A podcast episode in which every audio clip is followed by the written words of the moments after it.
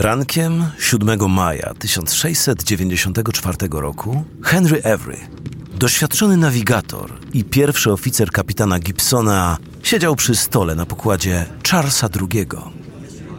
Dokowali w hiszpańskim porcie Corunia na wybrzeżu Galicji. Charles II był częścią niewielkiej floty angielskich statków, które zostały wynajęte Hiszpanom do walki z Francuzami na Karaibach. Od tygodni czekali na oficjalny dokument z Madrytu, który pozwoliłby im podnieść kotwicę. Jednak mimo zapewnień, od miesięcy nie otrzymali zapłaty. Kilka dni wcześniej admirał O'Byrne po raz kolejny odmówił wypłaty marynarzom, obawiając się, że zdezerterują, jak tylko otrzymają pieniądze. Jednak dla Henry'ego Every i dwudziestu innych marynarzy miarka się przebrała. Przez ostatnich kilka dni Every chodził od łodzi do łodzi, próbując ułożyć jakiś plan. Tego dnia admirał przebywał na lądzie, a kapitan Gibson, który dowodził Charlesem II, spał w swojej kajucie pijany. Późnym popołudniem Every i jego ludzie przejęli statek i odpłynęli, zostawiając za sobą hiszpańskie wybrzeże. Strażnicy nie mieli nawet jak zareagować. Mogli jedynie się przyglądać, jak żagle znikają za horyzontem. Po kilku godzinach żeglugi Every udał się do kajuty kapitana Gibsona. Dał mu dwie opcje. Albo dołączy do jego załogi, albo może zostać kapitanem małej łódki wiosłowej i wracać na ląd. Kapitan wybrał drugą opcję. Po krótkim głosowaniu Henry Every został wybrany na kapitana i w wieku 40 lat rozpoczął wesoły żywot pirata.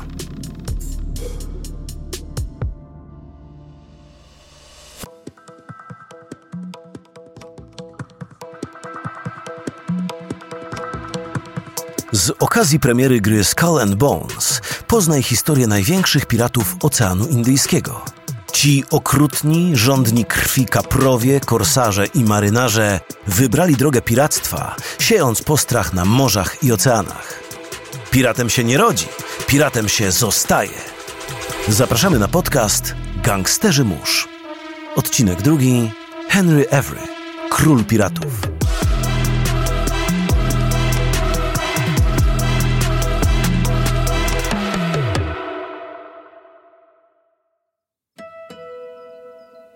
Henry Every urodził się prawdopodobnie 20 sierpnia 1659 roku w małej wiosce Newton Ferrers w południowo-zachodniej Anglii. Jak głosi legenda, jego ojciec, oficer królewskiej marynarki wojennej, pokazał mu morze, a ten zakochał się w nim bez pamięci. Naturalnie Henry również wstąpił do marynarki. Pod koniec lat 80. XVI wieku był midshipmanem – na pokładzie 64-działowego okrętu wojennego. Every nigdy nie był człowiekiem przeciętnym. Kiedy jego dowódca został przeniesiony na większy, 90-działowy HMS Albemarle, Henry podążył za nim. Razem walczyli z Francuzami i pomogli przechwycić konwój z Brestu, miasta portowego w północno-zachodniej Francji. 29 sierpnia 1690 roku Henry opuścił szeregi marynarki. Ale to nie był koniec jego przygody z morzem. Na Bermudach poznał miejscowego gubernatora, który przekonał go, aby zająć się handlem niewolnikami. Przemierzając wybrzeże Gwinei, przewiózł setki Afrykańczyków do Indii Zachodnich, zyskując reputację bezwzględnego i pozbawionego skrupułów przemytnika, ze smykałką do plądrowania napotkanych statków. W 1693 roku Henry został wezwany do udziału w angielsko-hiszpańskiej misji na pokładzie Charlesa II. Ta 46-działowa trzymasztowa fregata była częścią eskadry czterech okrętów, dowodzonych przez admirała Oberna. Flota miała za zadanie udać się na Karaiby i dostarczyć zaopatrzenie hiszpańskim statkom, a przy okazji dać popalić francuskim statkom w okolicy. Henry Every szybko awansował na pierwszego oficera, ale motywowała go głównie wizja sowitego wynagrodzenia. Flota opuściła Londyn w sierpniu 1693 roku. Zanim jednak wyruszyła na Karaiby, musiała zawinąć do Koruni na wybrzeżu Galicji. Tam zaczęły się kłopoty. Wyprawa powinna zająć dwa tygodnie, ale Charles II oraz trzy pozostałe statki dotarły na miejsce dopiero po pięciu miesiącach. Nikt nie był w stanie wyjaśnić, co było powodem opóźnienia. Jedno natomiast było pewne: bunt wisiał na włosku. Marynarze nie otrzymali wynagrodzenia i zaczynali tracić cierpliwość. Reszta to historia. Henry Avery stanął na czele buntowników i przejął kontrolę nad statkiem. Po wysadzeniu kapitana Gibsona u wybrzeży Afryki, Henry zebrał załogę i opowiedział im o swoim planie. Pierwotnie chcieli płynąć do Indii Zachodnich, ale Avery zaproponował Ocean Indyjski. Statki pływające po tamtych wodach były załadowane po brzegi przeróżnymi skarbami. Przyprawy, cenne tkaniny, metale i kamienie szlachetne. Następnie opowiedział im legendę o Tomasie Tew, angielskim piracie, który podobno rok wcześniej nieźle się tam obłowił. Jeżeli marzyli o bogactwie, to właśnie tam powinni się udać. Ewry nie musiał bardziej motywować załogi. Jego ludzie byli gotowi pójść za nim. Charles II został przemianowany na Fancy, a piracka ekipa ruszyła w kierunku przylądka Dobrej Nadziei.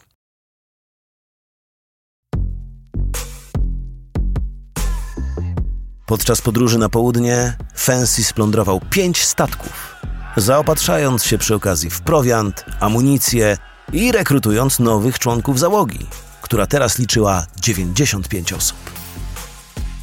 Na początku 1695 roku okrążyli przylądek Dobrej Nadziei. Po obowiązkowym postoju na Madagaskarze Henry Every zarzucił kotwicę u wybrzeży wyspy Anzouan na Komorach. Zwerbował tam 50 francuskich piratów, którzy tak jak oni chcieli dotrzeć na Morze Czerwone. Plan był prosty: przechwycić statki transportujące pielgrzymów z Mekki i opróżnić ich ładownie. Jednak przed wyruszeniem w drogę kapitan postanowił ostrzec Anglików, którzy pływali po Oceanie Indyjskim. Jeżeli jakikolwiek angielski statek napotkałby Fancy, powinien podnieść banderę i pozwolić piratom przejrzeć ładownię. Był to czyn niewątpliwie patriotyczny, ale nie do końca bezinteresowny. Miał nadzieję, że uratuje mu to skórę, gdy już zawiesi opaskę i skończy z życiem pirata.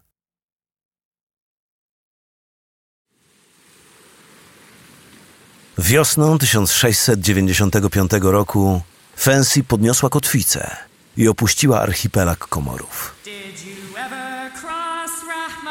Did you ever cross Oh no, me boys, oh no. Did you ever cross Rahma? I would never, could I ever cross. If you ever crossed? Oh no, me boys, oh no.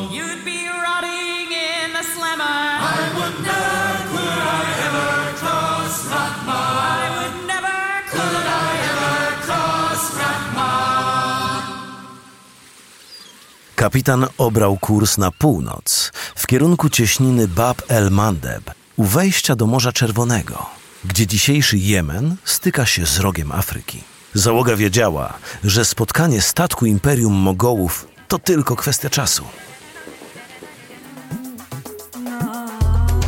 Imperium Mogołów było wielkim i bogatym mocarstwem, bogatszym nawet od Imperium Osmańskiego, drugiej potęgi świata muzułmańskiego. Jego terytorium rozciągało się od Afganistanu do Bangladeszu. Mogołowie byli zamożnymi kupcami, którzy rozpowszechniali swoją kulturę na całym świecie. Symbolem ich bogactwa był wspaniały Taj Mahal, który został ukończony 40 lat wcześniej. Na czele imperium stał wielki Mogoł, który był jednym z najbogatszych ludzi na ziemi.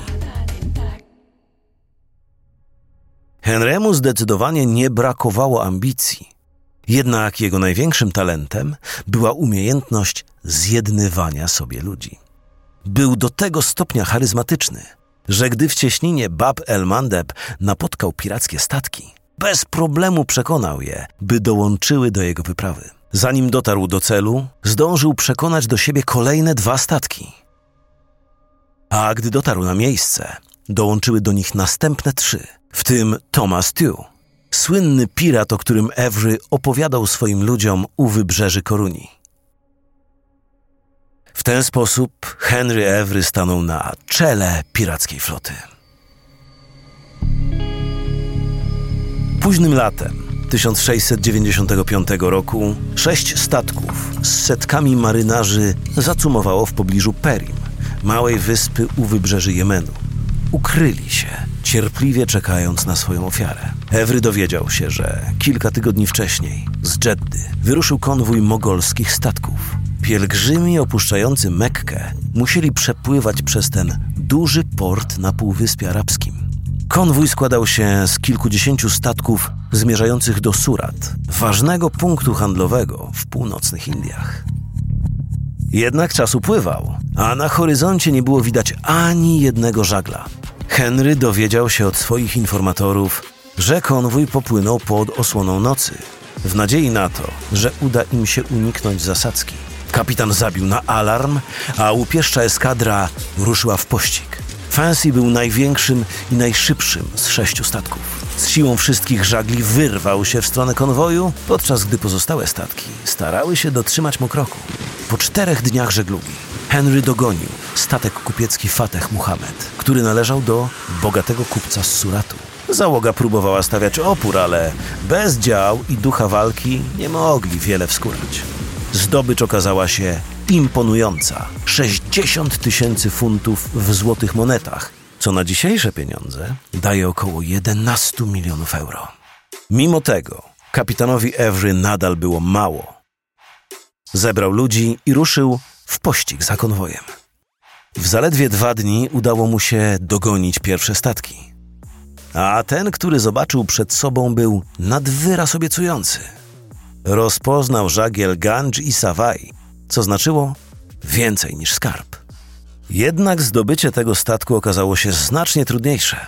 Nie był to byle kupiecki stateczek, którego załoga poddaje się na widok Cordelasa. Była to 64-działowa, 50-metrowa fregata wojskowa, obsadzona przez 400 uzbrojonych po zęby żołnierzy, gotowych bronić ładunku i pasażerów, wśród których podróżował nie byle kto, a sama córka cesarza Mogołów. Wraz z dworem wracała z Mekki, a bogactwa, które przewoziła, czyniły ją niezwykle lukratywnym celem dla grasujących po morzach piratów. Kapitan Ewry nie dał się zastraszyć i dał znak do ataku. Pirackie statki otoczyły Ganj i Sawai z przodu i z tyłu, tak aby uniknąć ostrzału. Piraci natomiast mieli wyborną pozycję do strzelania. Jedno z dział trafiło w główny maszt statku, który runął na pokład, pozbawiając życia dziesiątki marynarzy. Kilka minut później na pokładzie indyjskiego statku eksplodowało działo, rozrywając kadłub. Był to ostateczny cios, po którym piraci wdarli się na pokład. Wywiązała się zacięta bitwa. Żołnierze Mogołów nie dawali za wygraną, a każda salwa z muszkietów dziesiątkowała szeregi piratów. W ruch poszły miecze, a po pokładzie zaczęły walać się odcięte kończyny. Czasem przetoczyła się też głowa.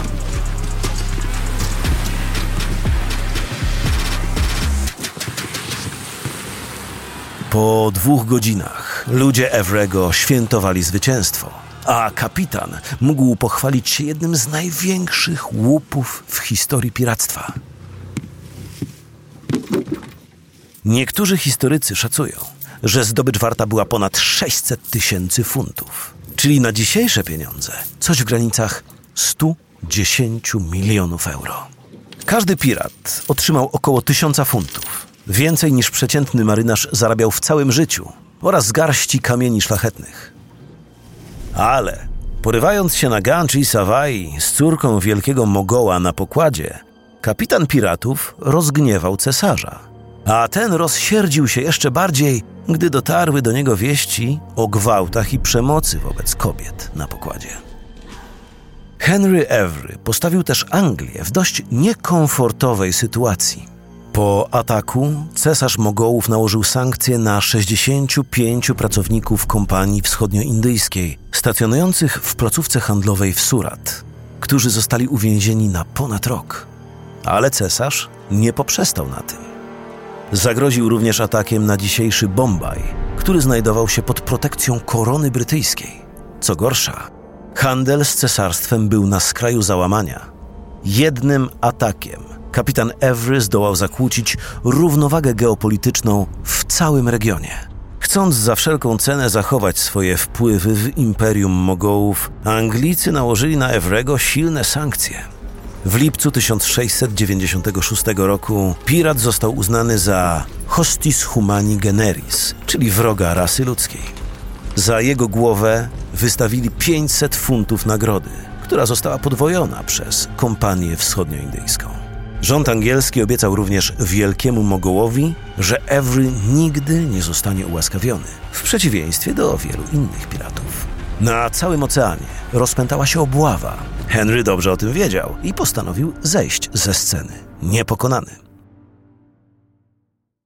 W ciągu zaledwie dwóch lat stał się legendą, ba, królem piratów.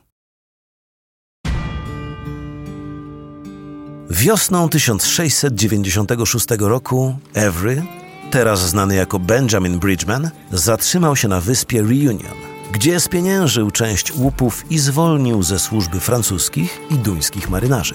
Kupił też 90 niewolników, których postanowił zabrać ze sobą przez Ocean Atlantycki na Karaiby.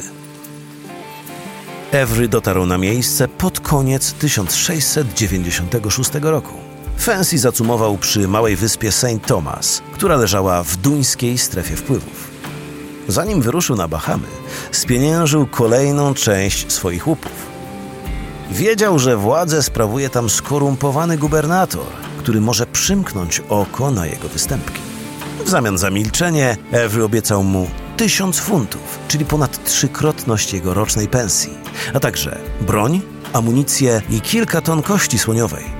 Do oferty dorzucił też Fancy.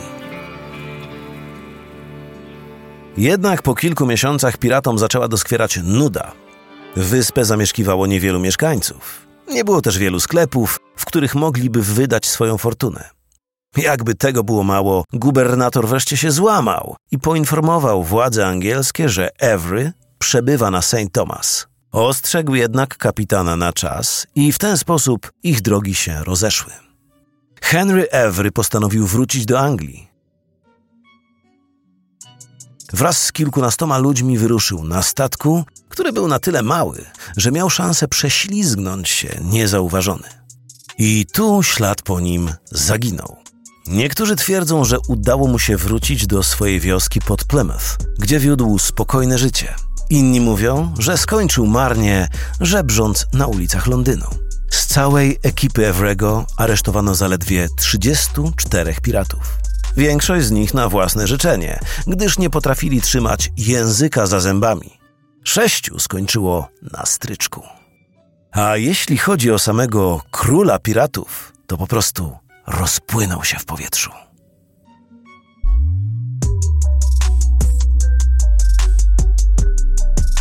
To byli Gangsterzy Mórz, podcast Ubisoft produkcji Paradiso.